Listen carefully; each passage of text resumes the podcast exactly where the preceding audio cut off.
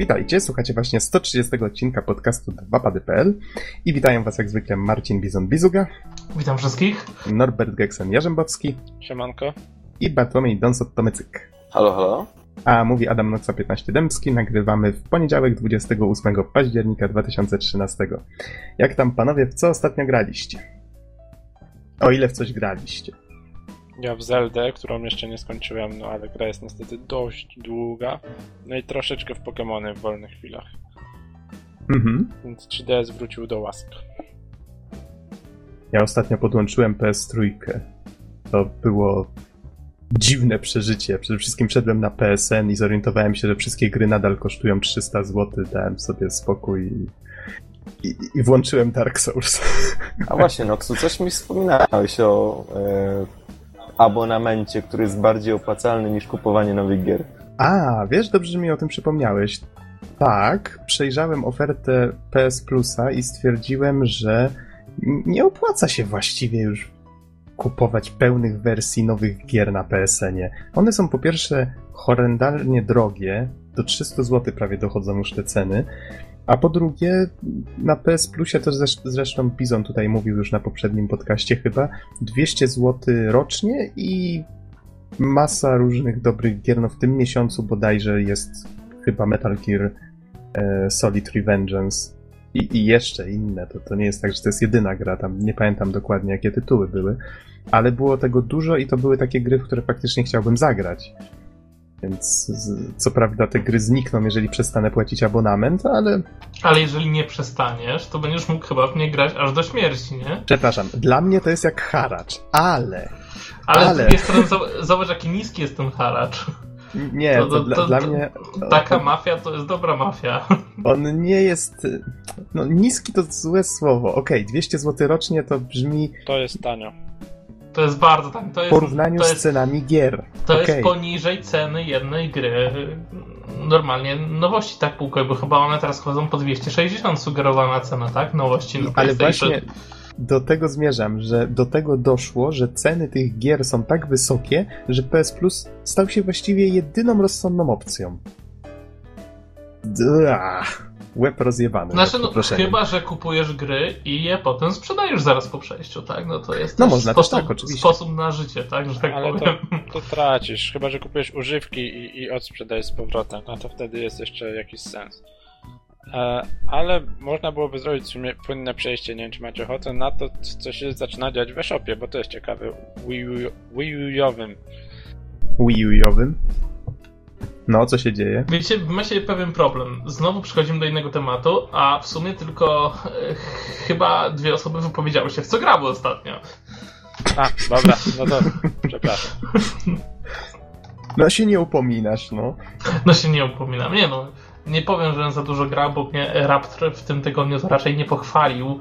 E, naliczył mi całe 26 minut przy konsoli. Aha, czyli właśnie tak się spodziewałem, że powiesz, ej, teraz moja kolej, więc ja nie grałem w nic. nie, nie, nie. Gdzieś tam, gdzieś tam grałem dalej w tego um, Call of Juarez Gunslinger. Zostały jeszcze trzy misje do końca, no niestety no dzisiaj nie załapię się na recenzję następnym razem. Następnym razem, bo ten tydzień no, jednak gdzieś tam mi upłynął e, bez gier, poza kilkoma partykami w Tetrisa na, na kibelku, nie, na Noki, to, no niestety. Czyli będzie tak jak zwykle, że e, długo, długo nic i nagle wszyscy będą chcieli recenzować w tym samym czasie i wtedy nie będzie już na to ja czasu, myślę, że na podcaście powinniśmy zrobić kącik WC Kwadrans. Ja myślę, że to byłby bardzo płodny kącik. To byłby. Żeś chciał wiedzieć, że ilość no. tych gierek, które się przerzuca na telefonie, czasem jakiś pierdół, to, o których się normalnie nawet nie wspominamy, jest pewnie dość spora. Mhm. Ja coś ostatnio nawet na telefonie zmaksowałem, już nie pamiętam co to było. No ale w każdym razie... Jak sobie przypomnisz? No dobra. Wiecie, jak chcecie takie małe gierki recenzować, to oczywiście przecież nikt nie broni, nie? Dzisiaj w każdym razie z głównych tematów poruszymy e, temat Łódź Game Summit, które odbyło się w piątek 25 października. E, ja troszeczkę powiem też o Dark Souls, e, konkretnie o dodatku do Dark Souls, czyli Artorias of the Abyss. I Don będzie mówił o Anna, czyli czyli grze od Calypso Media. Nie, nie, po prostu rapowałem z taką jedną dziewczyną i zrobiłem grę na tej podstawie. Tak, tak. Oczywiście, wszyscy tak mówią. E, no dobrze, to w takim razie wróćmy może do tych newsów właśnie, które chcieliśmy, chyba że, czy ktoś jeszcze nie, powie, nie odpowiedział na to pytanie, żeby tutaj znowu nie było Ja, pretensji? ja A, grałem wam. proszę. Dziękuję. A, proszę bardzo. To a propos tego płynnego przejścia, Norbert, chciałeś ten o e-shopie coś wspomnieć? Okej, więc płynny powrót odnośnie tego, co się dzieje na PSN-ie, to e, od 31 e, tego miesiąca, no października, ruszają ciekawe promocje na shopie, no bo Assassin's Creed trójka za 6 dyszek, jak na konsolę, tak, no to, to jest bardzo przyzwoita cena. Marvel Avengers Battle for Earth tak samo 6 dyszek. Nie wiem, czy to też przy okazji nie jest jedyna gra na Wii U, która jest spolszczona, tak mi się wydaje. Mm, Zombie U tak samo, tylko 6 dyszek. E, Resident Evil Revelation, no to akurat 120 już mniejszy ten. E, Ale jeszcze jest kilka gierek innych za 6 dyszek i naprawdę, no moim zdaniem jak na konsolę 60 zł. Mm, Na pewno się skuszę na Rabbids Landa, bo to jest taka gra imprezowa. E, A troszkę mi brakuje na razie na Wii U, żeby było tego troszkę więcej. Tu jest Super Castlevania 4 za 36 zł. Come on! No to z Virtual tego. Trochę drogo. No ale taką jakby Nintendo ma politykę, że akurat te Virtual konsole są drogie, tak? No też prawda, gry na Pegasusa kosztują 20 zł. Hmm. No z Znaczy jednej na strony. No z jednej strony wiesz, ta konwersja na, na nowy sprzęt też ich kosztuje. Mhm. E, Ale polecam, Tak. Super Castlevania 4 jest fajna. coś miałem jeszcze dodać.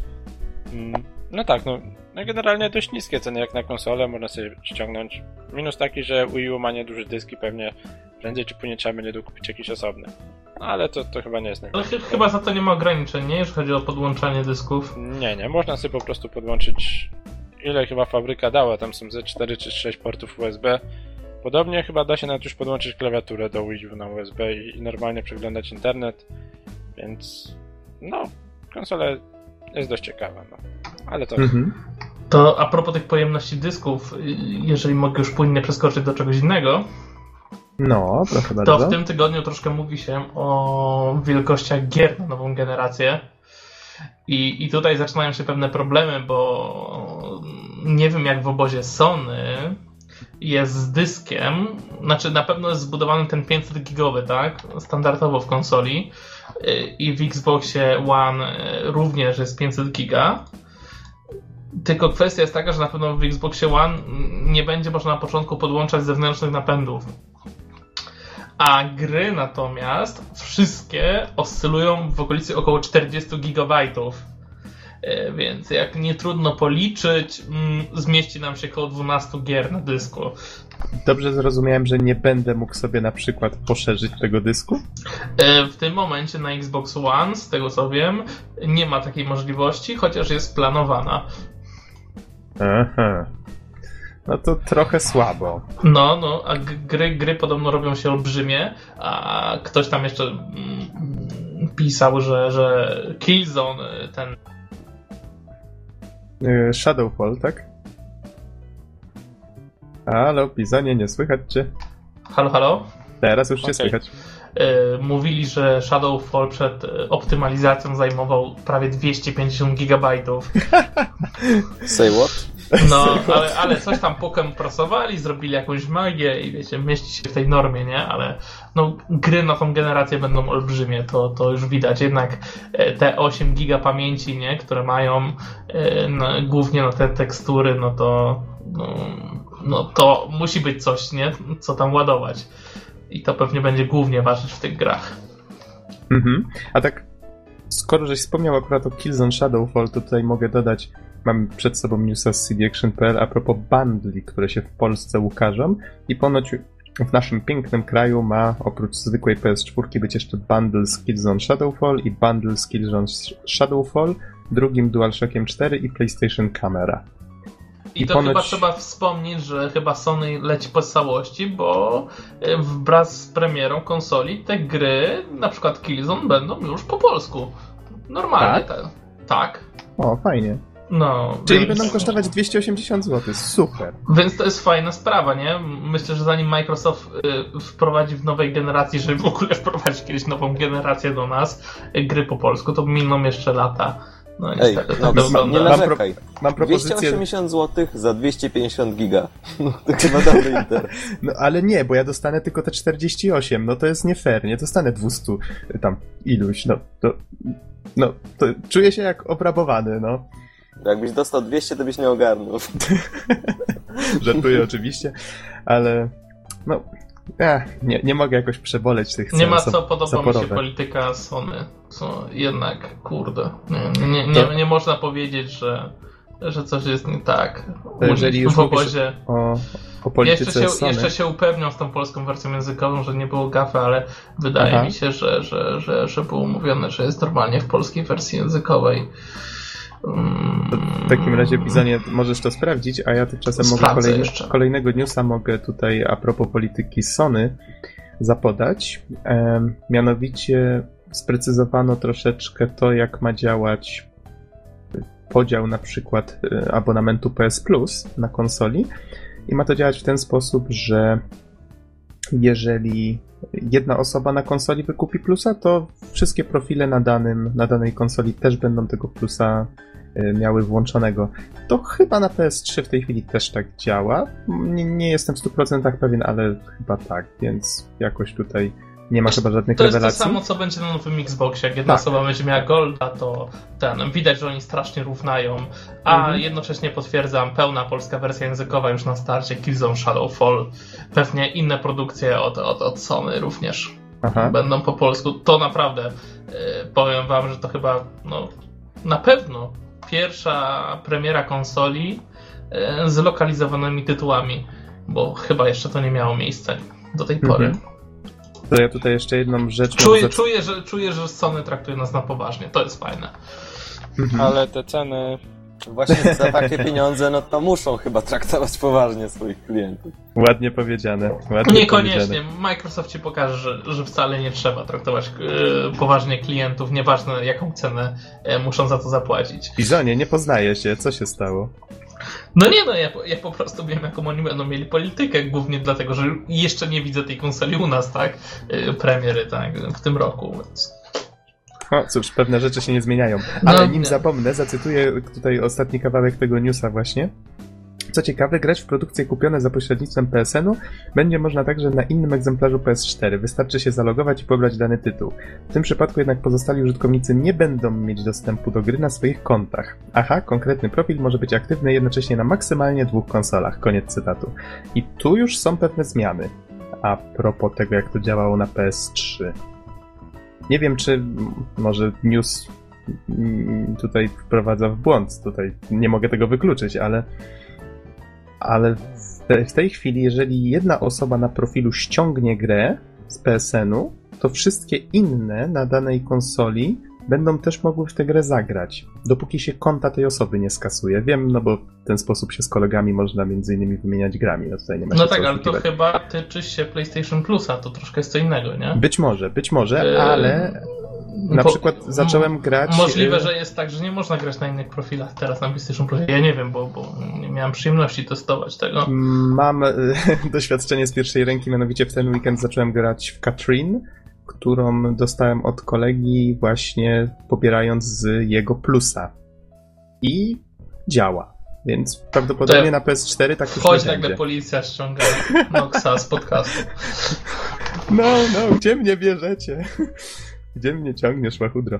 E, ale coś innego tutaj zwróciło moją uwagę, mianowicie to, że można jedno konto mieć tylko na dwóch konsolach. Tu wydaje mi się też jest to ostro obcięte, bo chyba były trzy albo cztery poprzednim razem. Znaczy teraz.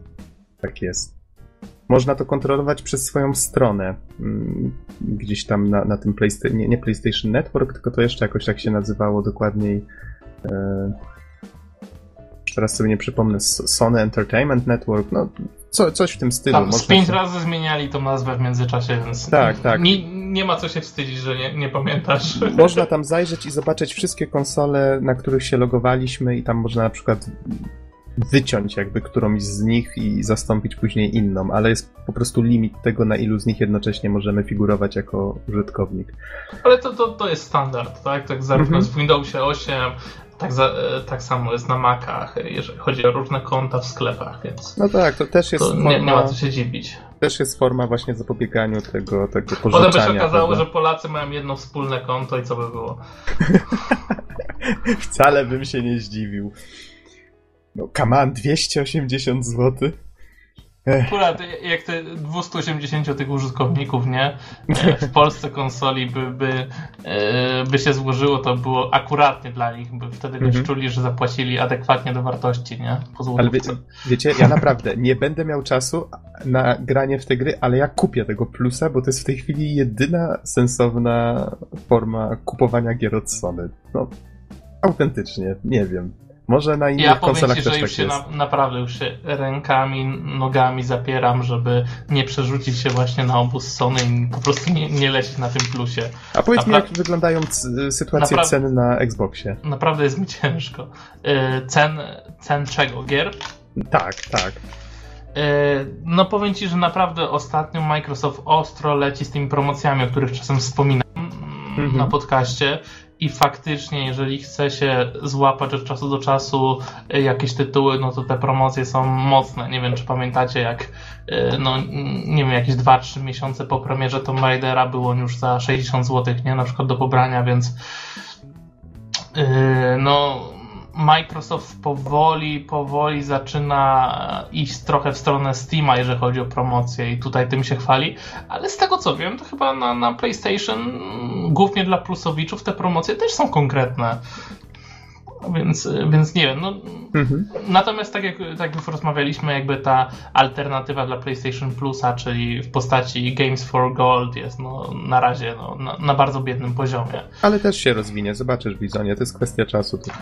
To jest kwestia czasu, mam nadzieję. Mam nadzieję, że, że, że masz rację.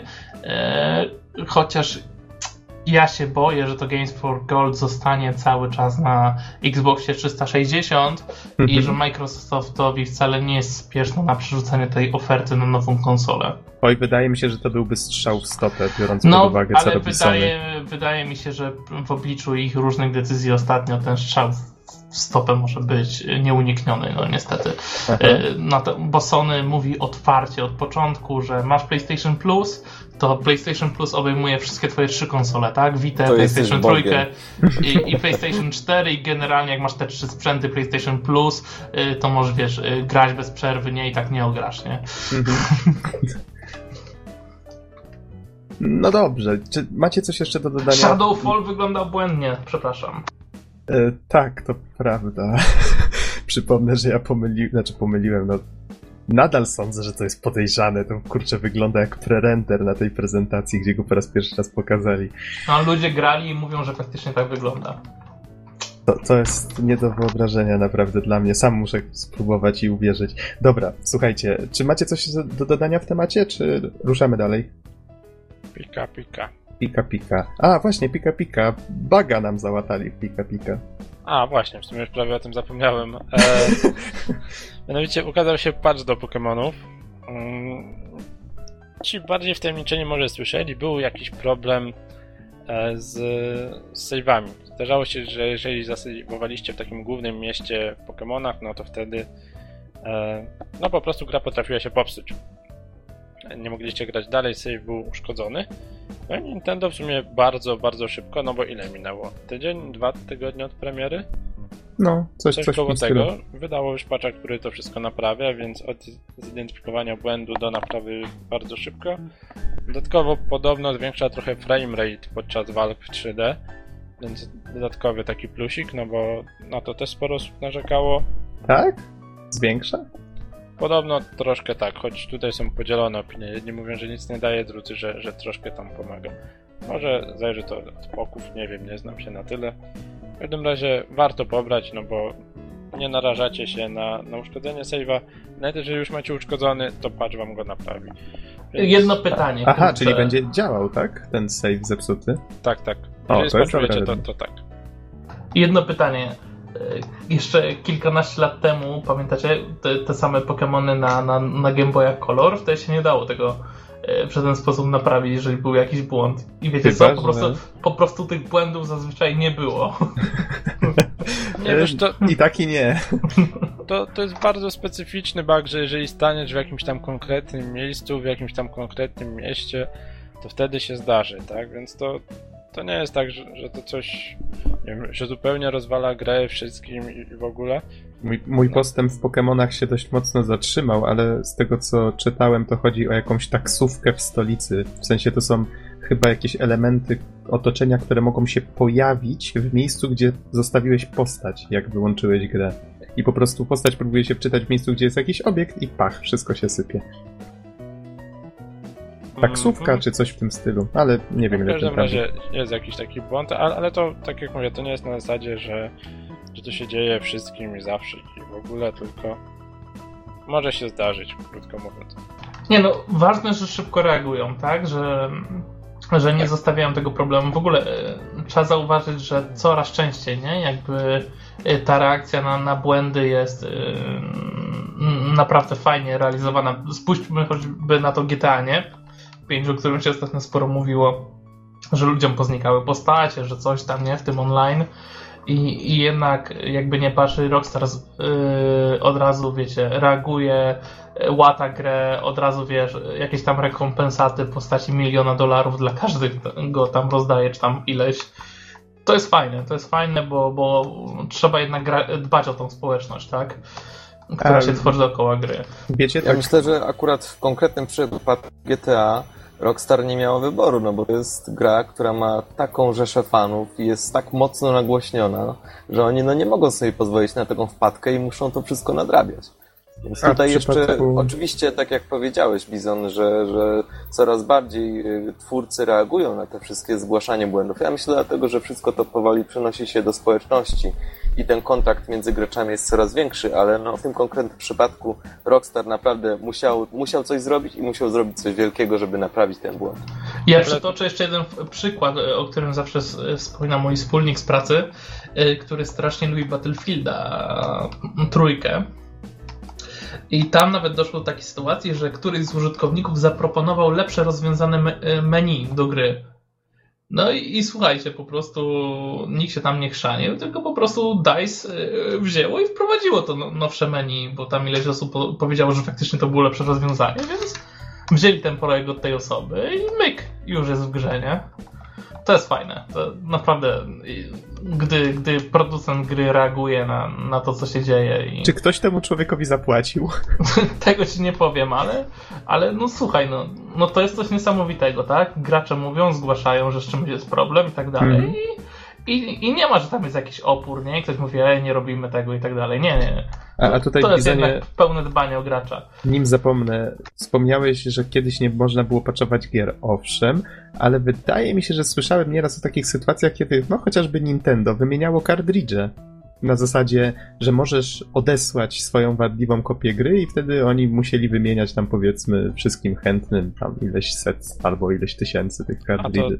To tylko tak wspomnę, że e, ten szybki patch też był właśnie po części dlatego, że Pokémonów też sprzedało się dużo, co wspominacie o GTA, ale mm, no nie wiem, w pierwszym tygodniu chyba grubo ponad półtora miliona, nie pamiętam ile dokładnie, ale wiem, że było tego jakoś bardzo dużo. E, I znam jedną osobę spotkaną właśnie podczas tego, ty, tych Street Passinaliów, która tak samo wymieniła swojego kartridża z powodu błędu. Więc Nintendo dalej to robi. Jeżeli macie uszkodzonego kartridża z powodu ich błędu, to wymieni wam. No to Mhm. teraz wydali patcha. Podejrzewam, że no, żeby to się nie zdarzało, krótko mówiąc. Mhm. Okej, co my tutaj jeszcze mamy w tych naszych newsach? Ha, to coś, co Norbert chciałeś wspomnieć. Czym ty się jarasz właściwie w tym Call of Duty nowym? A, a, nie, po pierwsze ukaże się polski karabinek, taki mały news. E, Po drugie, multi na Wii U jest fajne, co chyba Don potwierdzi, Oczywiście, bo, tak. bo swojego czasu kilka długich wieczorów spędziliśmy po prostu we dwójkę, łojąc jeden na gamepadzie, drugi na telewizorze, nawet bez konieczności split screena. I teraz w nowym Call of Duty e, Ghost zamiast zombie, które było takim średnim trefem, jakoś nam nie podchodziło, będą ufoki. Będzie Alleluja, wracamy do ufoków. Tak, ale jeżeli chodzi o to, że te zombie były jakieś powolne i tak, tak topornie niby taktyczne, ale nie do końca, no jakoś tego nie czułem w każdym razie. Teraz co, będą zergi? Teraz będą takie właśnie jakby zergi i mam nadzieję, że akcja trochę przyspieszy i stanie się taka bardziej mm, no bardziej żywa, też troszkę strategii, mam nadzieję, że gdzieś tam zostanie wkręcone, ale po prostu więcej życia w to wszystko wejdzie, a nie po prostu walka bardziej z, z bronią wtedy była na zasadzie, żeby odpowiednio oszczędzać kasy, coś tam kombinować, zbierać jakieś części. A takie no, pytanie, czy w Call of Duty był już tryb dodatkowy, który uwzględniał Kafulu? Nie. Nie. A tak właśnie, Noxu, odpowiadając na twoje pytanie, co, tak. co my w tym Call of Duty widzimy? Oczywiście ja nie przeczę i zresztą sam nawet mówiłem na ostatniej e, mojej recenzji z, z gry z tej serii, że pod względem artystycznym, no to to jest żenada. Natomiast e, pod względem warsztatowym, no to to jest naprawdę dzieło sztuki, dlatego że twórcy tej gry to są niesamowici, niesamowicie dobrze prawieni rzemieślnicy, i to wychodzi choćby w tym, jak, jak jest ta kampania single skonstruowana, ale głównie to wychodzi w trybie multi, który naprawdę zachęca do grania. e, i wciąga na długie godziny. Także jednak mimo wszystko Call of Duty, Call of Duty. Jak, jakkolwiek by to śmiesznie czy banalnie nie brzmiało, jednak mimo wszystko myślę, że warto docenić Y, sam fakt, jak choćby na przykład właśnie ten tryb multiplayer został skonstruowany i myślę, że warto się od tego uczyć, bo nie wszystkie gry tak dobrze mają zbudowaną grę wieloosobową i myślę, że, e, że w wielu przypadkach no, to jest wielki ból. Także no jednak mimo wszystko myślę, że jest co podziwiać w Call of Duty i jest z czego się uczyć. Nie no, no multi ja bym nie zaczął grać, no bo jest dość trudne, jest wysoki próg wejścia. A to było jakoś tak, że, że sobie tak z Donem siedzieliśmy i na tym podzielonym ekranie i tak raz, drugi, raz trzeci gdzieś tam dołączaliśmy, trochę się śmieliśmy, ale z czasem jednak zaczęliśmy ogarniać, no i jakoś tak się w to wkręcił człowiek i no i swojego czasu spędziłem dużo, dużo czasu, dużo za dużo. No i skończyło się, że Gexem miał chyba jakieś tam złote karabiny. No. Już nie wiadomo jak odblokowane. No naprawdę, to, to, to dużo grałem. Pamiętam, raz mi się zdarzyło siedzieć do piątej nad ranem. Co u mnie jest naprawdę, naprawdę wyjątkiem, więc... Chyba raz w życiu. I... Chyba jeszcze raz ci się zdarzyło nad Hitmanem chyba do czwartej. No może. Ja ostatni raz siedziałem do piątej nad ranem. Oh wait, dzisiaj. Dead Island z Donem. A, i tak, z Donem graliśmy ostatnio w Dead Island. Musimy skończyć w końcu tę grę. Jest... Mamy nadzieję, że święto zmarłych nam się uda. Jakkolwiek by to nie brzmiało. Ale tak, ale się akurat trafiło, że będziemy mieli wtedy czas. E, no dobrze, myślę, że pod podcast jeszcze wrzucimy filmik z reklamą Xbox One Invitation. No w sumie reklama ciekawa, spodobała nam się wszystkim. I myślę, że panowie, możemy przechodzić chyba do tematów głównych. Tak czy nie? No tak, to powiesz nam coś o Łodzi? Słucham. Powiesz nam coś o Łodzi? Coś o Łodzi. Hmm. No, ogólnie rzecz biorąc, jak dobrze zapewne wiecie, Łódź nie jest jakimś szczególnym, no nie wiem, jakąś przystanią game devu, czy, czy, jak tu powiązać słowo Łódź jeszcze z sportem? No nie wiem, można się bawić tutaj, ale w każdym razie game dev nie ma lekko tutaj u nas. I władze miasta coś próbują z tym zrobić. To jest samo w sobie fajne. Po pierwsze, tutaj całkiem niedaleko od miejsca, w którym mieszkam, centrum Łodzi jest całkowicie przebudowywane. Tutaj powstaje coś, co bodajże nazywa się Nowe Centrum Łodzi, y, tuż koło fabrycznego dworca, który jest w tej chwili jedną wielką dziurą w ziemi. Stoi taka, to chyba była stara elektrociepłownia, teraz przerabiana na jakieś takie właśnie miejsca, które będą biurowo, kulturowo, no, wiele będą miały ponoć zastosowań i być może właśnie w tamtych budynkach będą udostępniane przestrzenie biurowe właśnie dla potrzeby game devu niedługo. To ma być część takiego projektu, który się nazywa Game Incubator i ten projekt właśnie w piątek, czyli 25 października na tym Łódź Game Summit był no, przedstawiony i była to właśnie taka inicjatywa, która powstała, znaczy została zorganizowana specjalnie po to, żeby po pierwsze powiedzieć ludziom, że coś takiego istnieje, a po drugie, żeby sprowadzić tam wszystkie osoby, wszystkie firmy, przedstawiciele firm, którzy mają właśnie brać udział w tym game inkubatorze, a właściwie mają e, go współtworzyć finansowo, myślę, czy, czy innymi sposobami. Y, pamiętam, że chyba był tam przedstawiciel IBM-u, przedstawiciel Della, no oczywiście władze miasta. Sporo właśnie takich ważnych osób się tam zjawiło i y, po takim wstępie, takiej krótkiej konferencji y, powitalnej, oni się potem udali, żeby podpisywać różne umowy i inne tego typu rzeczy, które będą, mają pozwolić właśnie na to, żeby za jakiś rok, półtora właśnie ten Game Incubator mógł tutaj pozwolić tych młodych twórców w Łodzi wesprzeć w jakiś sposób. No i mam nadzieję, że to się uda. To jest inicjatywa jak najbardziej fajna, ale mm, może skupię się troszeczkę bardziej w tej chwili na tym, jak sama impreza wyszła, tak patrząc bardziej z punktu widzenia osoby, która tam przyszła też po to, żeby no, być może spędzić trochę miło czas. No, pod tym względem było dużo gorzej, umówmy się. E, myślę, że dużo ciekawszym e, ciekawszą rzeczą, ciekawszą imprezą, jeżeli chodzi o gry w ten, ten weekend była Grakademia, którą organizowano w, e, jeżeli się nie mylę, w manufakturze. Niestety nie mogłem być na Grakademii, ale e, wracając już do Łódź Game Summit, e, akurat tutaj odniosłem wrażenie, że to troszeczkę tak, jakby ktoś chciał dodać jakiś program właśnie do, do tego podpisywania umów, żeby ci goście zobaczyli, zobaczcie, my tu organizujemy różne fajne rzeczy. Bo w sumie były tam dwie sale, w której w jednej były jakieś takie króciutkie, nawet nie wiem, czy to można nazwać prelekcje, yy, no ale powiedzmy takie krótkie, pre, 15-minutowe prelekcje, na których tłumaczono na przykład jak pozyskać fundusze unijne albo właśnie z innych źródeł środki finansowe na finansowanie swoich produktów growych, produkcji gier.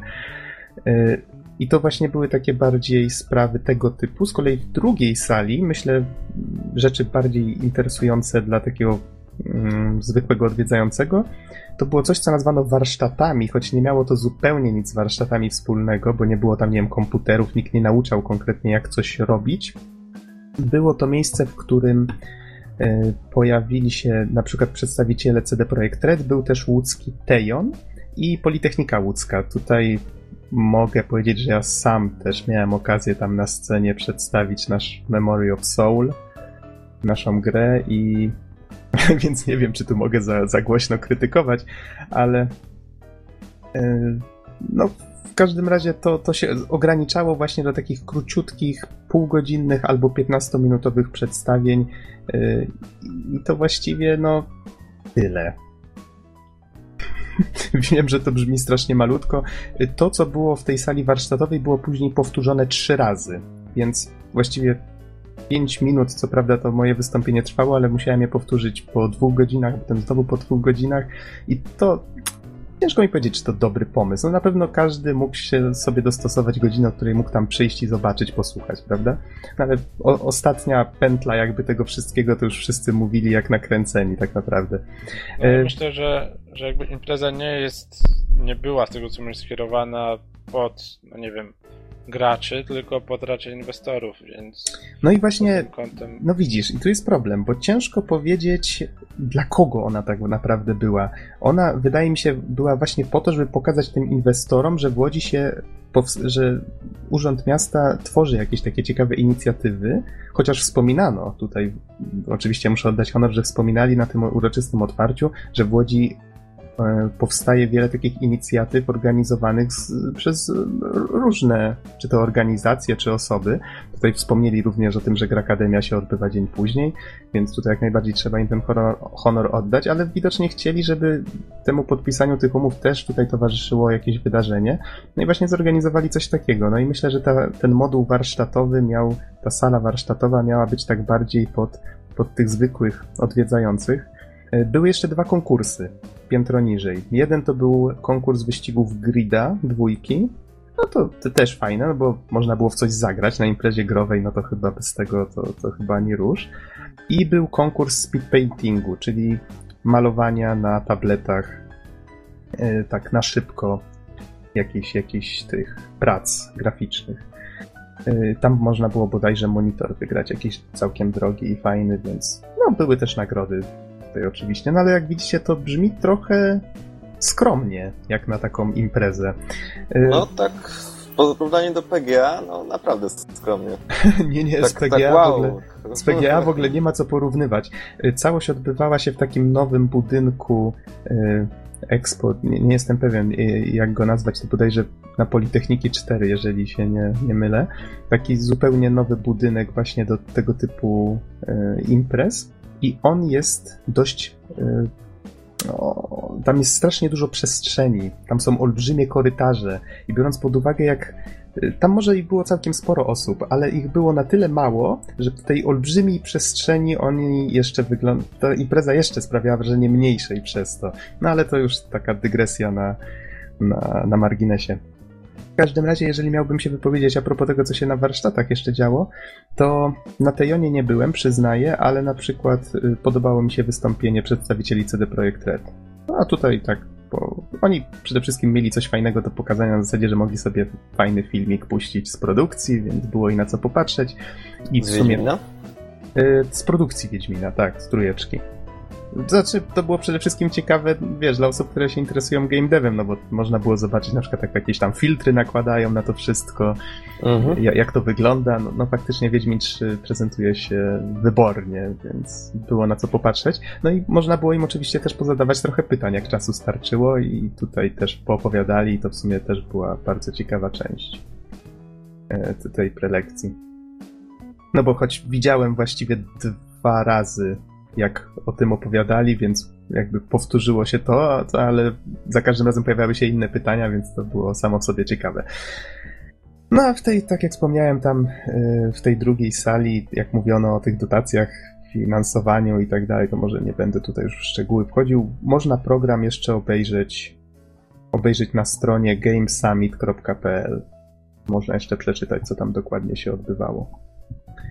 I to właściwie tyle. Myślę, że warto tutaj po prostu mm, pogratulować Urzędowi Miasta odwagi, żeby faktycz, że faktycznie coś próbują robić z tym game devem i mam nadzieję, że coś z tego wyjdzie. Impreza jako taka okej. Okay. Okej, okay. niech będzie. Tutaj nie traktujmy tego na równi z PGA i tak dalej. Ważne, że coś organizowali, było sympatycznie, ale bez rewelacji. I może na tym na tym poprzestańmy tutaj. Bo im więcej będziesz mówił, tym więcej minusów się znać. być może, być może. No ale to wiesz, człowiek jednego tygodnia jest na PGA, który jest olbrzymią imprezą, gdzie rzucają człowieka grami, gdzie możesz zagrać indyki, pooglądać, no po prostu wszystko możesz robić. I, i tutaj ta impreza była taka bardziej stonowana, chodziło o coś zupełnie innego, prawda? Mhm. Chociaż tak jak no. mówię, nie do końca wiedzieli chyba do kogo chcą ją skierować moim zdaniem inne przeznaczenie, jeszcze tak słowem komentarza, no to moim zdaniem branża gier e, jest czymś, w co warto inwestować, w tym sensie, że wiecie, żeby wybudować fabrykę potrzebne są naprawdę ogromne inwestycje. Chodzi mi o taki biznes, który zarabia pieniądze, tak i zatrudnia ileś tam osób.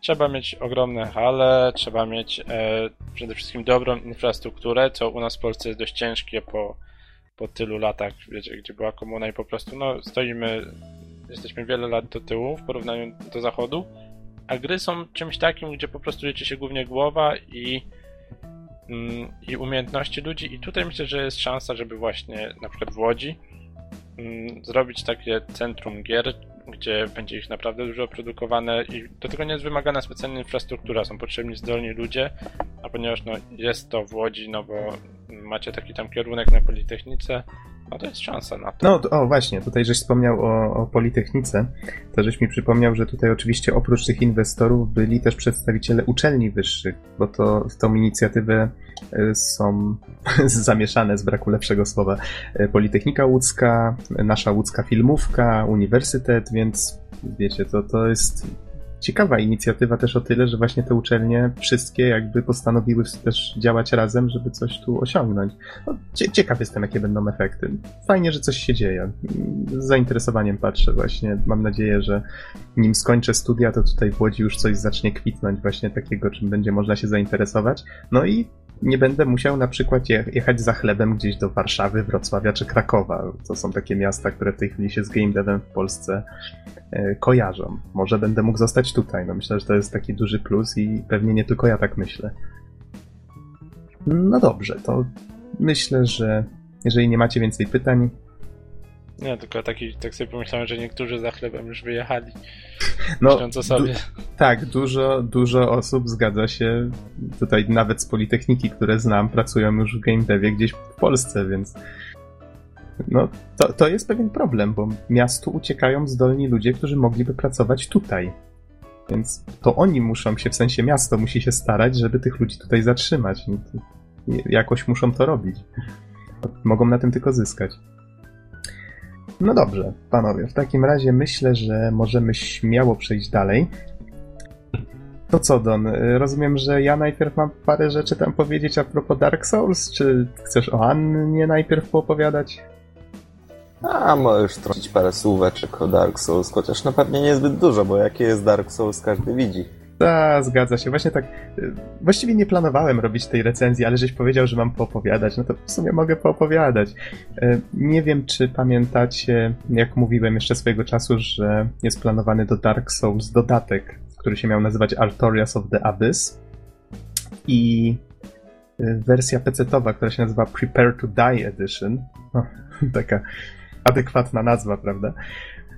On miał już zawierać ten dodatek trochę mnie wpieniło swojego czasu, to był, tutaj widzę na wiki, e, sierpień 2012, jakby chodziło właśnie Prepare Today Edition, to myślałem, że tego samego dnia, kiedy będzie miała premierę właśnie wersja PC-towa, że dostanę DLC na swoją wersję na, wersję na PS3, ale się okazało, że muszę czekać aż do października. No, właściwie nie kupiłem tego dodatku na premierę, tak w końcu się okazało, tam miałem inne sprawy na głowie. Kupiłem go chyba w grudniu, pograłem w niego chyba jeszcze parę miesięcy później, a skończyłem go w ten weekend, więc no tak kilkugodzinny dodatek, a, a widać jak to się potrafi w czasie rozciągnąć, jak człowiek nie ma czasu albo weny grać. W każdym razie, co ten dodatek dodaje? Mm, on stwarza jakby możliwość zobaczenia pewnego królestwa Olasil, o którym w samym Dark Souls się wspomina, tyle że ono kiedyś istniało, jakieś 300 lat temu, ale gracz nie ma możliwości go zobaczyć, no bo już mówią, że ono dawno zostało zniszczone. Właściwie nie wiadomo do końca, co się z tym królestwem stało. Spotykamy jedynie księżniczkę Daskop Olasil, która twierdzi, że, że ona właśnie jest ostatnią osobą z tego królestwa, która jeszcze żyje. Zresztą mamy okazję ją uratować. o kurczę, i w sumie nie ma nikogo, kto mógłby zaprzeczyć. dokładnie, dokładnie. E, żeby uruchomić ten dodatek, trzeba. No, nie wiem, czy tu warto dokładnie tłumaczyć w necie, możecie bez problemu znaleźć. Nie jest to takie proste. To jest tak, że kupujecie tam, ja chyba 50 zł wydałem w grudniu na, na ten dodatek. Teraz chyba można go dostać taniej, nie jestem pewien. E, ściągasz ten dodatek, włączasz grę i okej, okay, e, to. Mm, właściwie co teraz, nie? Ja tą grę już raz przeszedłem, ale jestem gdzieś już w połowie kolejnego przejścia i tak się zastanawiam, e, no nie wiem, jakiś drogowskaz, może tak ktoś by mi powiedział, co mam zrobić, żeby zobaczyć ten, tą nową przestrzeń, czy coś, co dodali. Ech, mówię, okej, okay, niech będzie, sprawdzę w necie i tam trzeba ubić konkretnego potwora w konkretnym momencie, zdobyć jakiś klucz, potem się zjawić w jednym odpowiednim miejscu i wtedy dopiero jesteśmy pochwyceni przez taki portal, przez wielką łapę, która nas wciąga w przeszłość. Mogę przerwać? Proszę Dark bardzo. Souls Styles. Oj, tak. I właśnie Właśnie cały, akcja całego dodatku toczy się w przeszłości, te 300 lat wcześniej, w tym królestwie Olasil. I twórcy o tyle fajnie to zrobili, że wkomponowali, znaczy o tyle fajnie dla siebie i dla graczy, bo wykorzystali lokację, która w grze już była, to bodajże się nazywało Darkroot Garden, jeżeli dobrze pamiętam, taki wielki las.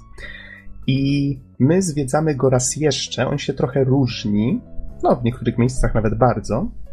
I możemy właśnie zobaczyć, że niedaleko tego lasu właśnie istniało to królestwo. Możemy do niego dotrzeć, możemy je zwiedzić. No i no, trafiamy w pewnym momencie do tej, e, do tej otchłani, o której tutaj też też sporo się mówi. Spotykamy też tego Artoriasa, który w samym e, Dark Souls też miał całkiem sporo, też się sporo o nim mówiło, czy sporo przedmiotów z nim związanych się zdobywało ważnych, a tutaj mamy okazję go spotkać i no, nawet z nim zawalczyć. Dużo w sumie fajnych rzeczy tutaj dzieje. Są, jest trzech dodatkowych bossów, trzech właściwie koniecznych do pokonania bossów i jest jeden dodatkowy. Walki są całkiem fajne, nawet bym powiedział, że są na tyle trudne, że tylko jedną z nich przeszedłem e, sam, tak bez pomocy innych graczy, a pozostałe, no tu już przyznam szczerze, że sprowadziłem sobie e, pomagierów faktycznie, żeby, żeby trochę sobie sprawę ułatwić. E, lokacje wyglądają fajnie. Tutaj tak samo jak w samym Dark Souls są bardzo fajnie zaprojektowane, mają mnóstwo ścieżek. Jeżeli ktoś na przykład z graczy postanowi nawiedzić naszą grę, żeby nas ubić, bo tutaj jeżeli ktoś e, nie grał nigdy w Dark Souls czy w Demon's Souls, to Tutaj... to się przekona. to tutaj szybko tylko wytłumaczę, że gra jest takim ciekawym połączeniem singla z multi, na takiej zasadzie, że gracze mogą oferować swoją pomoc innym i wtedy na przykład ta druga osoba grając zobaczy napis taki biały na ziemi, może przywołać wtedy tego pomagiera. Do dwóch pomagierów można mieć jednocześnie, ale gracze mogą też nas nawiedzać, w sensie, żeby nas żeby nam trochę poprzeszkadzać. No widocznie niektórzy bardzo lubią przeszkadzać innym graczom i po prostu zabijać ich tak nie bez powodu, nie? No i, to jest w sumie taka gra, która która tak, na której, w której tak balansujemy troszeczkę pomiędzy e, tym, tym jednym światem a drugim, tego multi-singla i to jest bardzo fajne.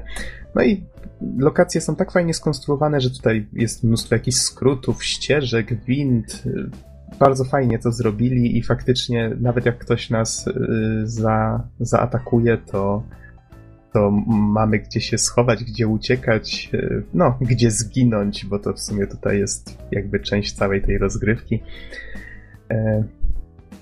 Co tutaj ciekawego a propos samych lokacji mogę jeszcze dodać? No na przykład mamy tutaj poza tymi trzema obowiązkowymi boss, bossami jednego dodatkowego, którego pokonywać nie musimy. E, smoka konkretnie, więc mamy tutaj też walkę ze smokiem jedną.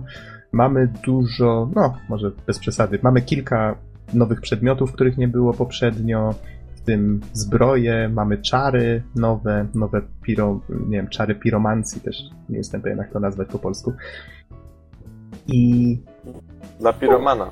Tak, tak, czary. Albo bo, bo są, bo są bodajże trzy rodzaje czarów były. Były chyba czary, były cuda i były właśnie, była piromancja. No to są, są nowe, różne rodzaje czarów w każdym razie, oparte na, e, na magii tej, tej otchłani, czy dark magic właściwie można tak to chyba nazwać.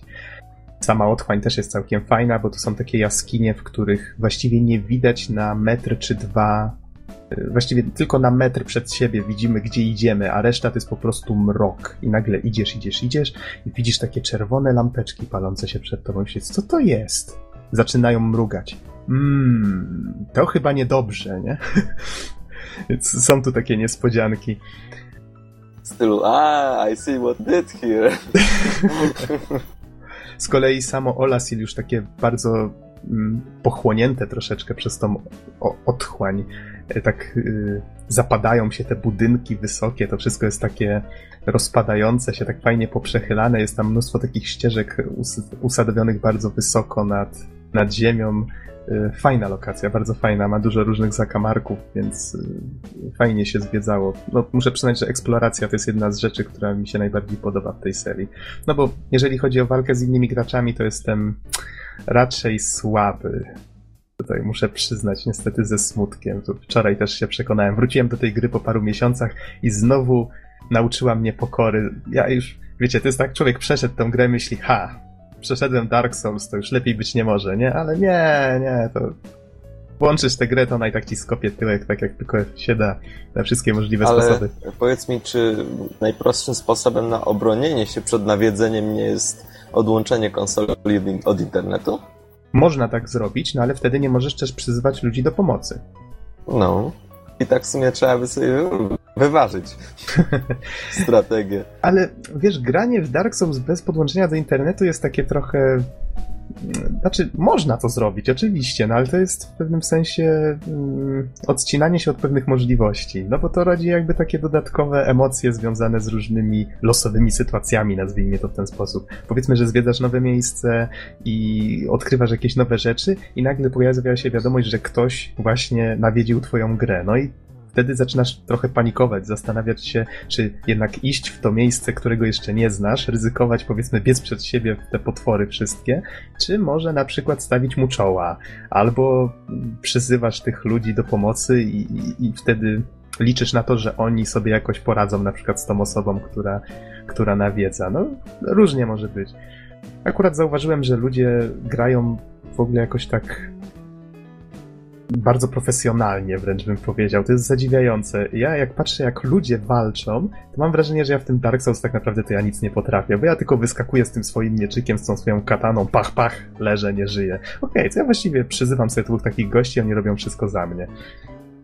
Więc, no, nie wiem, tak stwierdziłem, że, że chyba wrócę sobie do Dark Souls 1 przed, przed premierą dwójki, trochę się sobie odświeżę właściwie i może Czekaj, troszeczkę... czekaj, to to mówisz, że są gorsi psychole w tej grze? Zdecydowanie, zdecydowanie. Sam fakt, że ja przeszedłem Dark Souls jeszcze nic nie znaczy, Don. No i sam fakt, że mam platynę w Demon Souls też nic nie znaczy.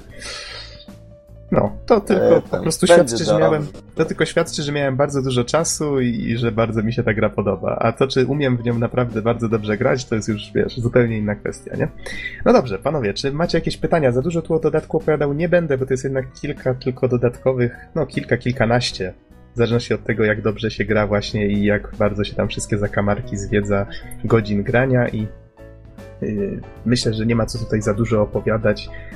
E, warto się samemu przekonać, jak Ola Sil, tą, tą historię Ola Sil poznać i, i się przekonać, czy właściwie gracz jest w stanie zmienić historię, czy, czy jednak nie, no bo przypominam, że tu jesteśmy w przeszłości, prawda? No ale to już graczem... co, tak podsumowując, jest to dobry kawałek kilkugodzinny Dark Souls na wysokim poziomie i polecasz, tak? Tak, tak, myślę, że tak. To prawda, wiesz, dużo fajniej się zwiedza olbrzymi świat, który jest jakby dużo większy, tak jakbyś zaczynał dopiero grać w Dark Souls, ale jak na dodatek, to też jest bardzo, bardzo solidny kawałek kodu. A, no i jeszcze jedna rzecz, o której nie wspomniałem, dodano tutaj coś takiego jak arenę walk. Jest tu pomieszczenie, w którym są różne teleporty, które prowadzą do różnych trybów, na których możemy właśnie na różnych arenach walczyć na różnych zasadach z, z innymi graczami, ale nie udało mi się połączyć ani razu z żadną grą, co jest ciekawe. Może po prostu nie miałem szczęścia. Ale istnieje takie coś i, i, i dobrze sobie o tym przypomniałem, tak żeby wspomnieć dla porządku.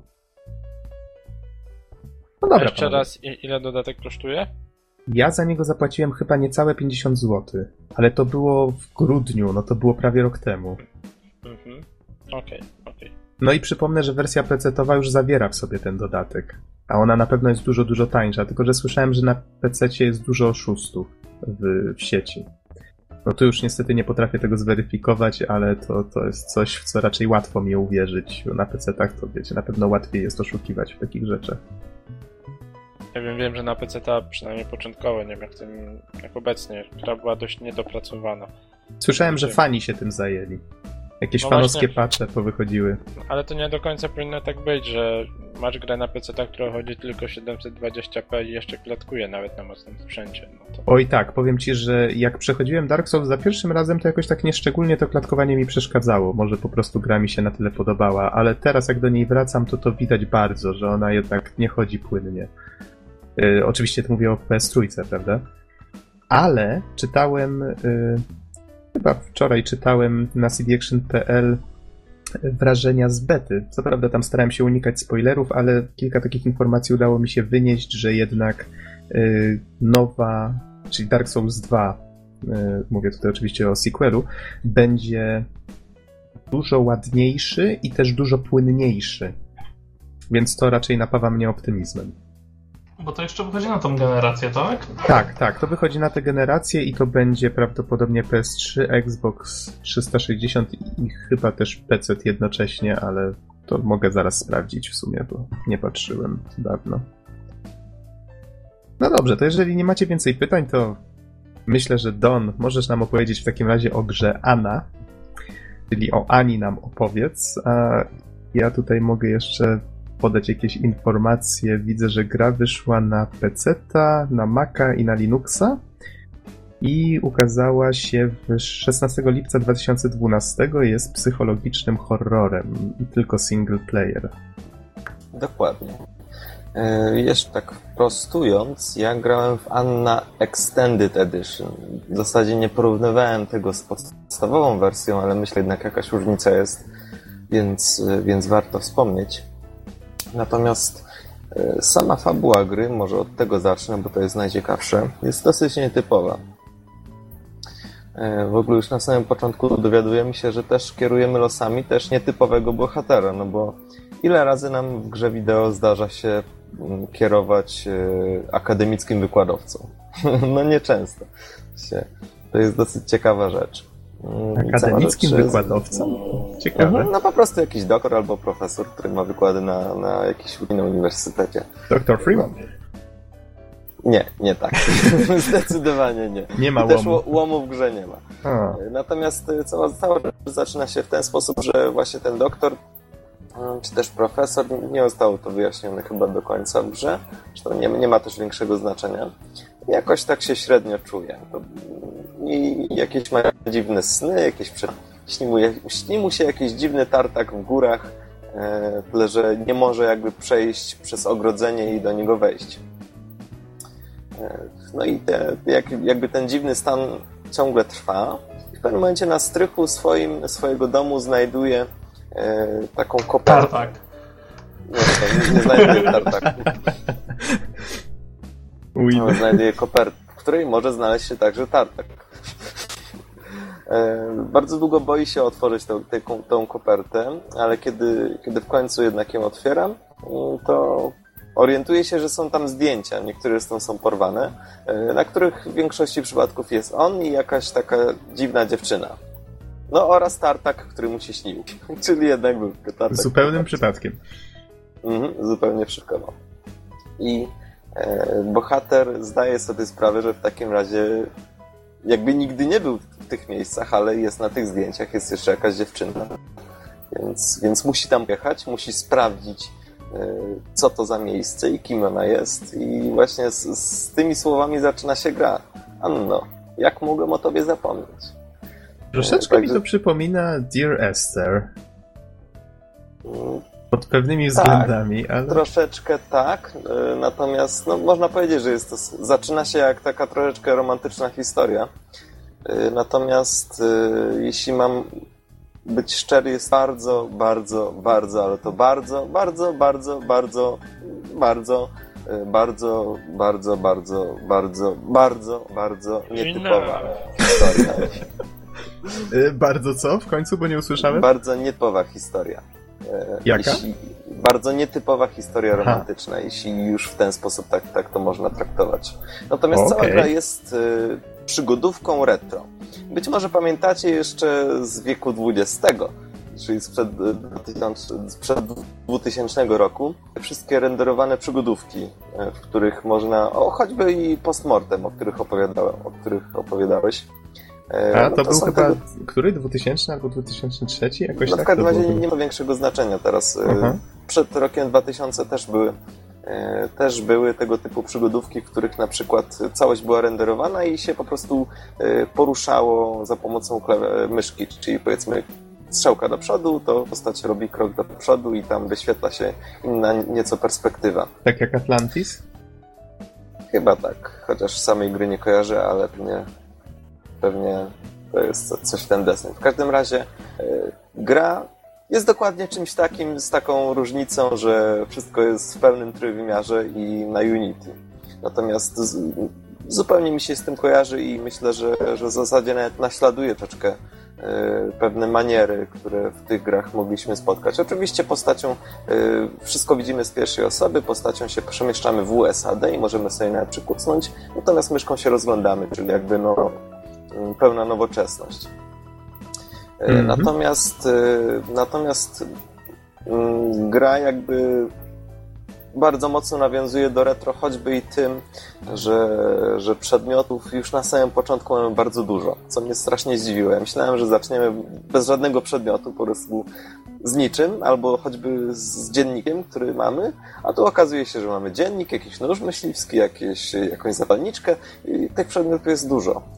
I co akurat mi się nie podoba, a co w wielu oldschoolowych przygodówkach też występuje, tych przedmiotów w ciągu gry się nawarstwia. Ich jest coraz więcej. One nie znikają, mimo że ich na przykład używamy w pewnym momencie i ich jest coraz więcej. I no, ja przynajmniej nie jestem zwolennikiem takiego rozwiązania. W każdym razie e, samo retro połączone jest też z pewnymi innowacjami, e, które sprawiają, że grę gra się zupełnie inaczej. E, ale może zanim jeszcze przejdę do innowacji, to króciutko powiem jak wygląda cała rozgrywka. Tu w zasadzie cała akcja toczy się wokół, wokół tartaku, a potem i wewnątrz niego, we wszystkich jego pomieszczeniach. E, I co jest ciekawe, my oczywiście odkrywamy te pomieszczenia, ale w zasadzie cały czas także poruszamy się w obrębie tych starych. Czyli tam mamy jakieś pomieszczenia na piętrze, mamy pomieszczenia na parterze za zamkniętymi drzwiami i w zasadzie pod koniec gry operujemy już jakby na całej powierzchni tartaku. tartaku. E, natomiast e, co jest ciekawe, e, to to, że pomieszczenia reagują na wydarzenia fabularne. To znaczy, to nie jest tak, że my coś zrobimy na dole i uzyskamy przejście na przykład na górę i w momencie, kiedy wrócimy na, na dół, to wszystko jest dalej tak samo. Nie. Co jest bardzo ciekawe, że, że te pomieszczenia zmieniają się. Znaczy, zmienia się ich wystrój na przykład, zmienia się kolorystyka, E, I no to jest bardzo ciekawe, że, że po prostu, no cały czas mówię, że bardzo ciekawe, no, no trudno, no takie właśnie jest, e, że po prostu twórcy starają się, żeby zmieniać ciągle wystrój, zmieniać ciągle charakter e, lokacji, w której się poruszamy i, i żeby jakby trzymać tempo tym samym i dynamikę, to znaczy, no niby cały czas jesteśmy w tych samych pomieszczeniach, ale one ciągle są inne, więc jest to bardzo intrygujące, ale ciekawe. Oh. Z innowacji mamy coś takiego jak pasek zdrowia. Pasek zdrowia? No właśnie, pasek zdrowia. E, no właśnie, ja no, no, sprawę nawet nie, nie nazywałbym tego paskiem zdrowia, ale raczej paskiem świadomości. E, czymś w tym rodzaju. E, jest to no, sprawa banalnie prosta. W grze występują tak zwane wydarzenia, tak to się nazywa. One są zupełnie nieliniowe. Są wydarzenia E, negatywne lub są wydarzenia neutralne dla właśnie tego pasku zdrowia czy pasku świadomości. To znaczy na przykład e, w pewnym momencie mm, tu i ówdzie słychać jakieś dziwne pukanie za ściany albo za drzwi. No i kiedy jesteśmy blisko jakby tego źródła dźwięku, no to tam tę odrobinkę nam mm, ten pasek zdrowia maleje. Po prostu to wydarzenie jakby pozytywnie wpływa na, na jakby na stan psychiczny czy stan świadomości bohatera. To kojarzy Natomiast... mi się już z jakąś grą, o której też chyba opowiadałeś. Call of Cthulhu? Mm, tak, tam też był stan zdrowia psychicznego, natomiast tutaj tro, troszeczkę inaczej zostało zrobione. Mhm. Teraz, y, tak, tak, to troszeczkę koresponduje ze sobą. W Amnezji zresztą tak samo. Y, natomiast tych wydarzeń jest całkiem sporo i one są nieliniowe, to znaczy niektóre z nich oczywiście muszą wystąpić, natomiast inne nie. To jest fajne, że, że po prostu to zależy od tego, w jaki sposób eksplorujemy, ile się kręcimy w danym pomieszczeniu i, i co robimy. To pewne wydarzenia mogą wystąpić, inne po prostu nie. I, i, to, i to, jest fajne. I, I, zmienia troszeczkę e, rozgrywkę za każdym razem, kiedy do gry e, podchodzimy. Czy w takim razie historia ma kilka zakończeń? Mamy osiem zakończeń. O. Gra ma 8 zakończeń i jest jeszcze, dodam tak, może nie będzie to spoiler, ale jest jeszcze tak, taka, takie jakby zakończenie e, ścieżka rzemieślnika, tak to nazwę. E, dlaczego wspominam o tym i akurat z, z tytułem od razu? Ano dlatego, że jeśli no, nie macie pojęcia o grze, to zapewne nie jest to żaden spoiler, natomiast jeśli macie, to będziecie mieli pewną podpowiedź, że coś takiego faktycznie istnieje i będziecie próbowali to odkryć, no bo niestety cała gra jest y, dosyć y, trudno wpaść na pewne rzeczy. Y, I, I niestety myślę, że to jest troszeczkę wada. Natomiast, tak jak powiedziałem, wydarzenia w grze tego typu są nieliniowe, co jest bardzo fajne. Natomiast cały ten pasek zdrowia i ta ciekawa idea, właśnie, że pewne wydarzenia na przykład negatywnie wpływają na ten pasek zdrowia, jest też, wprowadza pewną dynamikę. Na przykład przez większość gry jakby za graczem, czy gracza nęka taki kobiecy manekin.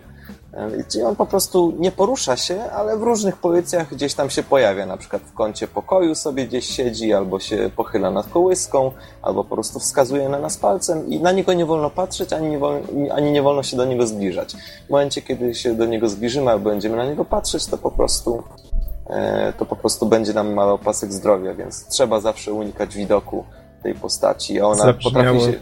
trochę jak Slender. E, troszeczkę tak ale, ale nie, nie jest to typowy horror. Aha. W każdym razie to, to też troszeczkę wpływa na dynamikę, bo musimy uważać, jak się poruszamy. E, I ja tam w pewnym momencie miałem, że nie wiem, wszedłem do pomieszczenia, ona była tuż obok i trochę się wkurzyłem, bo ten pasek zdrowia mi zmalał. Kurczę, zaskoczyła mnie tym razem. No w każdym razie tak to wygląda. I jest to bardzo, bardzo fajny i trafny pomysł, że, że coś takiego faktycznie w grze zostało wprowadzone. Ale nie ma to straszyć tak per se, tak? To znaczy, powiem szczerze, że mm, mnie osobiście gra nie wystraszyła ani razu i w zasadzie mhm. na, nawet y, jakby nie czułem tego jakby lęku, ani nawet niepokoju związanego z tym, że coś może mi tutaj zaraz wyskoczyć, aczkolwiek y, jest kilka takich naprawdę bardzo ciekawych y, scen w grze, które są bardzo klimatyczne i faktycznie być może jakaś jęczy dusza mogłaby się przestraszyć. Okej. Okay. A powiedz mi, ile czasu zajęło ci ukończenie tej gry? Tak za pierwszym no. razem.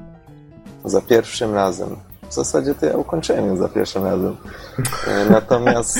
Czyli to nie było zbyt długo. Ile godzin, tak mniej więcej? E, nie wiem, to było. Znaczy, za pierwszym razem w sensie szansy, a, ale w kilku podejściach oczywiście. E, czekaj, Gra... czekaj, bo się pogubiłem. Chodziło mi o zobaczenie pierwszego zakończenia.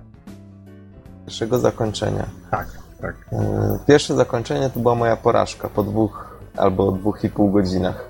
Tak. Aha. E, A, czy Pamiętam, można że... czytywać grę, tak? Tak, tak, oczywiście, że można. Mhm. E, tak jak każdą inną. Natomiast tak to wyglądało, że.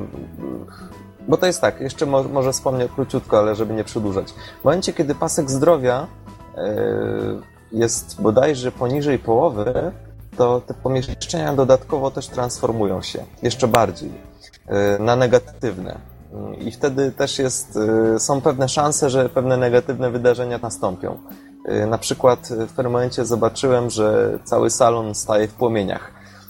I próbowałem uciec, ale gra jakby nie pozwoliła mi uciec i bohater spłonął żywcem, mówiąc krótko. No i, i to było wydarzenie, które dokończyło jego stan zdrowia do końca. Aha. nie, brzmi, brzmi to ciekawie, na zasadzie takiej, że to jak bardzo żeś uważał na to zdrowie, miało wpływ na to, znaczy w pewnym momencie mogłeś sobie przez to zamknąć drogę do pewnych zakończeń, tak? Mm, to znaczy, yy, po prostu robiło się trudniej. Mhm. Czyli jeśli miałem mało, mały pasek zdrowia, to wtedy wszystkie pomieszczenia zmieniały się na takie mniej przyjazne i trzeba było po prostu bardziej uważać, no bo mały, mały pasek zdrowia blisko porażki, więc trzeba było uważać, co się dzieje, yy, no i próbować nie schrzanić. Natomiast jeszcze właśnie, e, rozwiązując ważne zagadki lub zbierając jakieś ważne dla, dla gry mm, przedmioty, albo po prostu rozwiązując właśnie jakąś taką bardzo istotną zagadkę, wtedy ten pasek zdrowia troszeczkę idzie do góry. Więc w ten sposób to wygląda i faktycznie, jeśli, jeśli coś schrzaniliśmy na początku, to potem możemy to spokojnie nadrobić. Mhm. E, dobra. Interfejs od razu muszę powiedzieć też jest taki strasznie oldschoolowy, a raczej oldschoolowy w takim sensie, że nieporęczny. Jest średnio wygodny i mało estetyczny, szczerze powiedziawszy. Aczkolwiek, e, szczerze powiedziawszy, można się przyzwyczaić do tego. O dużej ilości przedmiotów wspomniałem, ale jest jeszcze inny rodzaj przedmiotu, zupełnie nowy. Właściwie nie widziałem przygodówki z takimi, z takimi przedmiotami. E, jest osobna lista na tak zwane przeczucia.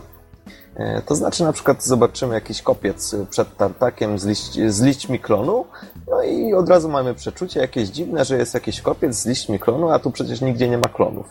E, I w ciągu gry, w ciągu gry gromadzimy ileś takich przeczuć, kilka, kilkanaście e, i to są też równoprawne przedmioty, tyle że ich używamy w troszeczkę inny sposób. Je możemy oczywiście obejrzeć i wtedy bohater jakby wypowiada to swoje przeczucie, na przykład coś mi tu nie gra, albo ten wątek może być ciekawy.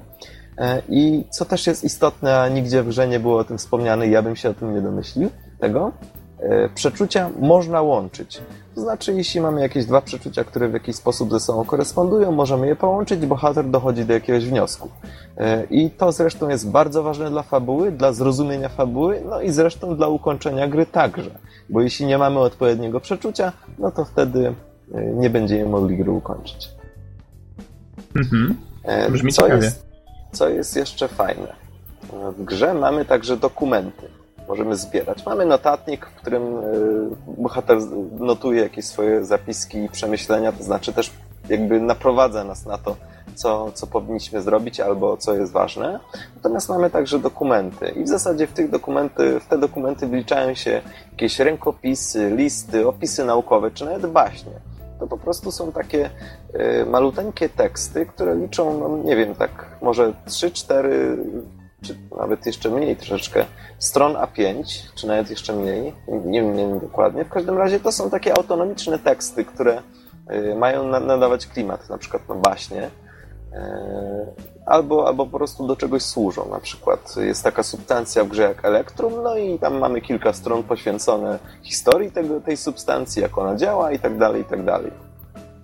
E, I jest to bardzo fajne, dlatego że no, tego w grach, szczerze powiedziawszy, nie, nie czyta się za dużo obecnie, natomiast tutaj mamy y, taką no, zupełną nowość. Możemy sobie poczytać i, i także te baśnie, one są zupełnie do niczego niepotrzebne. Natomiast ja wszystkie przeczytałem z wypiekami na twarzy, dlatego że to stwarzało taki świetny, fajny klimat. Ten taki górski klimat, e, klimat y, tych takich troszeczkę baśniowych, e, no nie baśniowy klimat, jakiś klimat legend, górskich i podań góralskich. Tego typu rzeczy się przewijały i naprawdę miały genialny wpływ na, na cały klimat. A długie były te opowiadania? Nie, to było zaledwie kilka stron. Chociaż szczerze powiedziawszy, jak na grę, to i tak sporo. Mhm. E, no niestety jest także poważna wada. To znaczy zagadki momentami są nie, nieintuicyjne, e, a poziom trudności wciąż rośnie. E, I oczywiście, jak to bywa w tego typu grach, trzeba robić wszystko w takiej kolejności, w jakiej kolejności życzą sobie tego twórcy. Znaczy, najpierw wyłamujemy gałązkę, potem tą samą, tąże e, gałązkę rzeczoną podpalamy, a dopiero potem umieszczamy, albo, albo jakoś inaczej. No w każdym razie nie da się iść na skróty w tego typu grach. E, ja pamiętam, że bohater przecież w pewnym momencie wziął topór. No nie wiem, jakieś wejście na strych Użyj topora. Jakiś schowek zamknięty na kłódkę. Użyj topora. Nie masz topór przecież. Ty kurde możesz tu wszystko rozwalić. Zamknięta szuflada. Hmm. Topór. Użyj topora.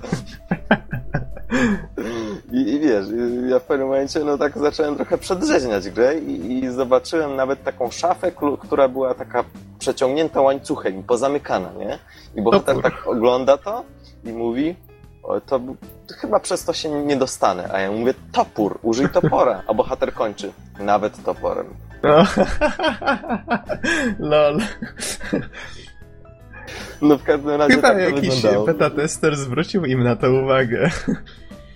W każdym razie, no, no niestety tak to wygląda.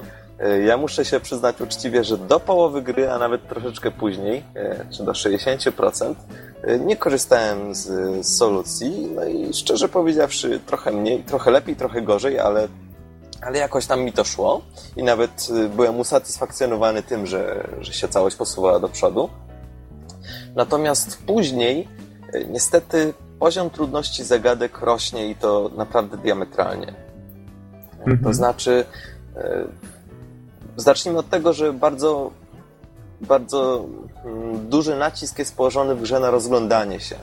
Znaczy, trzeba patrzeć, bo coś może małego leżeć na podłodze i to może być coś bardzo ważnego. Albo coś może wśród narzędzi na ścianie wisieć, co wygląda jak tło, ale wcale nie jest tłem, tylko jest czymś bardzo ważnym. E, I no, przez tego typu wpadki zupełnie stałem w miejscu. Ale też e, ale też no, te zagadki są trudne, e, dlatego że Tak, przez pewien czas my odtwarzamy pewne rytuały na bazie dokumentów. No i okej, okay. w dokumentach mamy podpowiedzi i próbujemy odtwarzać pewne jak, jakby czynności. Natomiast później jakby te zagadki bazują na takim ogólnym wtajemniczeniu w świat gry bohatera e, czy gracza i tutaj robi się już troszeczkę trudno tak naprawdę. Nie do końca jest wiadomo co robić, gdzie robić i jak robić. No, gra jest niestety dosyć niejasna i wymaga szalenie, szalenie dużej spostrzegawczości i naprawdę jakby daleko idącego łączenia pewnych faktów. Także ja przyznaję bez stresów, że te 40% czy 50%, drugie 50% gry ukończyłem z solucją, no przynajmniej większość, dlatego że no wiem, że na pewne rzeczy nigdy w życiu bym nie wpadł. I tyle. Przyznaję się otwarcie, że pewne rzeczy po prostu nigdy. Choćbym, nie wiem, choćbym 10 godzin siedział nad tą grą, nie wymyśliłbym tego, y, tego co chcieli ode mnie twórcy. Także, mhm. także szczerze powiedziawszy, y, no niestety jest to pewna wada, y, natomiast ja tego tak nie traktowałem, dlatego że szczerze powiedziawszy mnie wciągnęła historia i tak naprawdę chciałem się bardzo mocno dowiedzieć, kim jest ta Anna. A, a bardzo długo, długo, długo mm, twórcy pozostawiają gracza w niepewności. I tak naprawdę dają pewne mm, fragmenty historii i nie do końca wiadomo, o co tutaj chodzi. Ja naprawdę jeszcze właśnie na tych 60% byłem bardzo zirytowany czy sfrustrowany, tym, że nie do końca tego wszystkiego rozumiem, e, dlatego że no, być może Annę będę opisywać w celach zupełnie poznawczych do magisterki, no i muszę wiedzieć o co tam chodzi, no ja nie rozumiem, nie? No, no więc strasznie się irytowałem, natomiast później wszystko oczywiście się ładnie wytłumaczyło. Natomiast Czy, tak jak powiedz mówię, w takim razie, no? komu polecasz tę grę? Bo mówisz, że... Ja myślę, że to zostawimy na podsumowanie, do którego tak? powoli zmierzam. Aha, okej, okay, okej. Okay. E, natomiast teraz, e, jeśli macie jeszcze jakieś pytania a propos zagadek czy samej rozgrywki, e, to bardzo chętnie, ale, ale no, takie ogólne podsumowanie to już na koniec.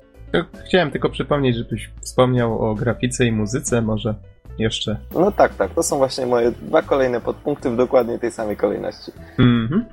Mm, jeśli chodzi o grafikę, jest całkiem porządnie, choć czuć też pewną niską, bu niską budżetowość gry tak to ujmę. Na przykład żadna z postaci się nie porusza. No oczywiście, bardzo często w grze spotkamy manekiny. To jest ciekawy bardzo wątek, który no, spotykamy w różnych pozycjach. No i oczywiście manekiny się nie ruszają. Czyżby? No dobra, w tej grze się ruszają, ale poza oczyma bohatera, to znaczy widzimy jakiegoś manekina, odwrócimy się, już go nie ma. Albo odwrócimy się i on jest w zupełnie innej pozycji. Także w ten sposób ten problem został rozwiązany. No i tak na dobrą sprawę, poza tym nie ma żadnych animacji w grze. To znaczy, obiekty mogą zmieniać swoje kształty, mogą mm, jakby zmieniać swoje opcje, ale nie ma animacji. No i choć jest to pięknie wytłumaczone, to jednak czuć troszeczkę niską, niskim budżetem.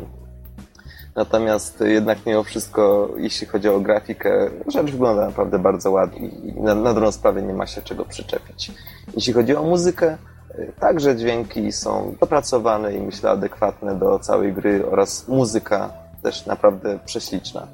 Mm, muzyka w zasadzie składa się z, chyba z 12 kawałków, przy czym większość z nich jest dwu, góra trzyminutowa e, i w zasadzie bardziej przypomina takie takie brzdękanie na gitarce, ale bardzo przyjemne i, i bardzo adekwatne do tego, co się dzieje na ekranie i buduje naprawdę niesamowity, świetny klimat. Może podsumowując już, bo nie ma za bardzo już za bardzo o czym mówić. Ja mogę tylko dodać jeszcze, mhm. że coś o czym zapomniałem. E, gra nie została stworzona przez Calypso, tylko była przez nich wydawana. Grę stworzyli Dream Painters. Malarze snów. Ładna nazwa studia. Mhm, oni mają takie okno z tęczą w logo. Mhm. No, w każdym razie. tak, zdecydowanie. E, Anna to bardzo klimatyczna i ciekawa gra, która e, łączy retro z pewnymi innowacjami, które są typowe dla gier współczesnych, co jest no, dosyć interesujące. I nawet zachęca do tego, żeby grę zagrać więcej niż jeden raz, żeby spróbować zanurzyć się w ten świat e, i porobić pewne rzeczy inaczej i zobaczyć, co się wtedy stanie.